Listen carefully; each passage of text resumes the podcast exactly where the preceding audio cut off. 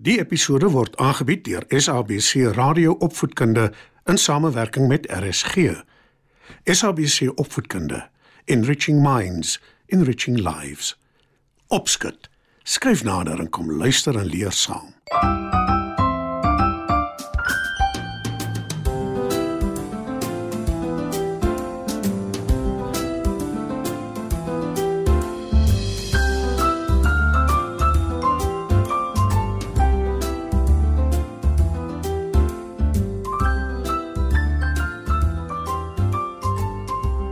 Goeienaand, maats. Dis weer tyd vir opskud.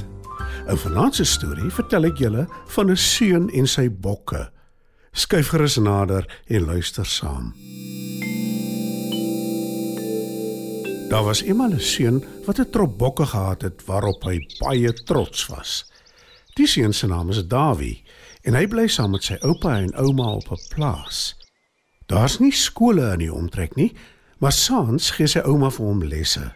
Sy leer hom lees en skryf en somme maak.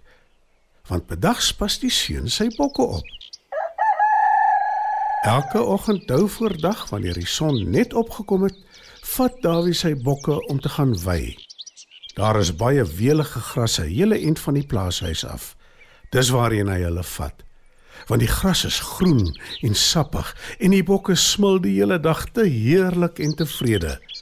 En laatmiddag wanneer die son begin sak, bring Dawie sy bokke terug van die veld af en jaag hulle in hulle hok waar hulle die nag deurbring. Die bokke is baie gehoorsaam en volg die seun getrou. Maar toe op 'n dag loop dinge lelik skeef.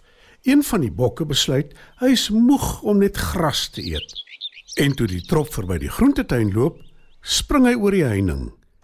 Die ander bokke laat nie op hulle wag nie en hulle volg die voorbok.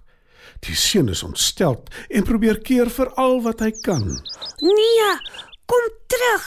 Jy mag nie die groente eet nie. Hy maak die hek oop en klap sy hande hard om die bokke uit die groentetuin uit te probeer jaag. Maar die bokke steur hulle glad nie aan hom nie.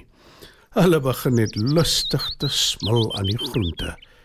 Die seun weet nie wat om te doen nie. Dis sy ouma se groentetuin en sy is trots daarop.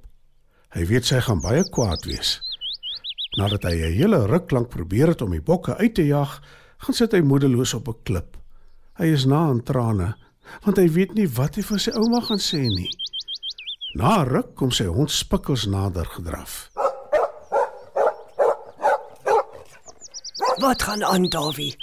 Hoekom sit jy so moedeloos hier? Wil Spikkels weet. Dawie wys na die groentetuin en sê: "Kyk wat maak my bokke.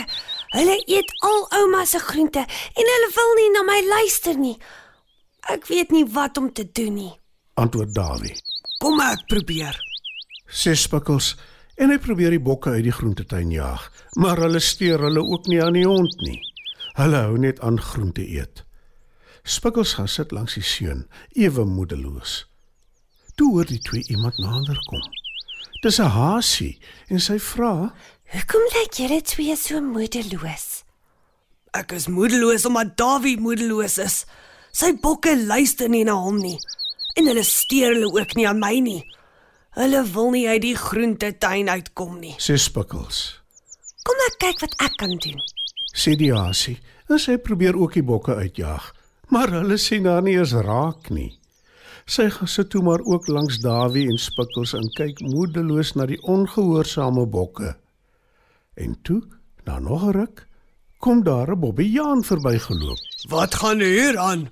Hoekom sit julle drie so moedeloos hier?" vra die Bobbejaan. "Ek is moedeloos omdat Dawie moedeloos is oor sy bokke wat nie wil luister nie en besig is om al die groente in sy ouma se groentetuin te vernietig.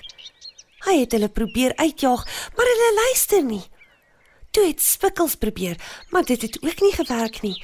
En ja, hulle wou ook nie na my luister nie. Antwoord Hasie. Dan lyk dit my ek sal moet probeer. Sê Bobbejaan. En hy draf in die groentetuin in en probeer die bokke uitjaag. Maar dit is te vergeefs, want die bokke steur hulle ook nie aan die Bobbejaan nie. Na ruk gaan sit hy toe maar ook by Dawie en Spikkels en die Hasie, net so moedeloos soos hulle. Maar hy het skaars gesit toe daar 'n rot aangehardloop kom. Wat is dit met julle dat julle hier sit en toe kyk hoe die bokke die groentetuin verniel? Vra die rot vir Dawie, Spikkels, Hasie en Bobbejaan. Ons het hulle almal probeer uitjaag. Dit help nie. Hulle luister nie na ons nie. Antwoord Bobbejaan. Laat ek probeer. Antwoord rot.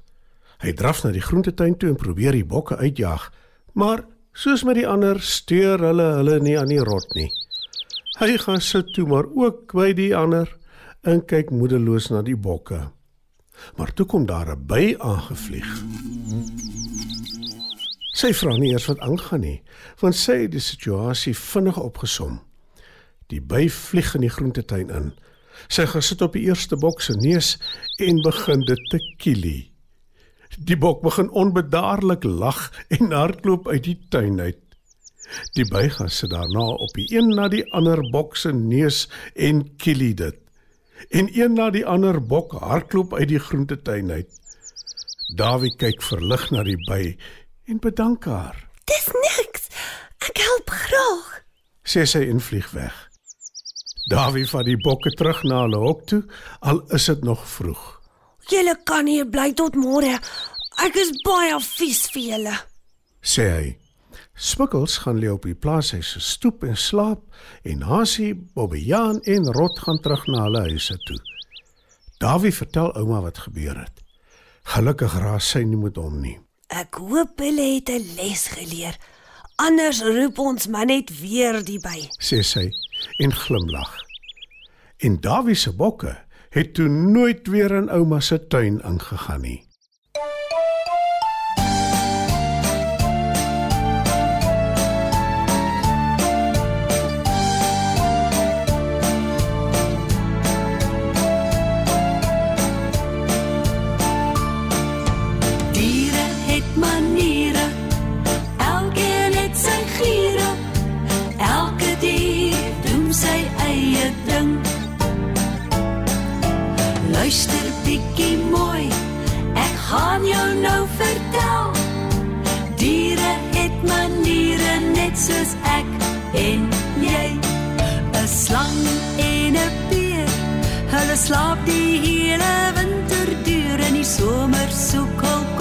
Dan moet jy oppas, meneer.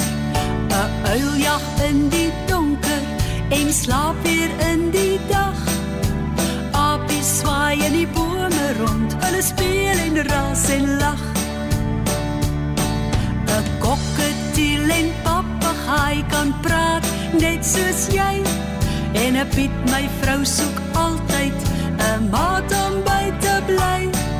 Verkleurmannetjie het mos 'n reënboog ingepak. Hy kan sy kleur verander, dan sien jy hom nie raak.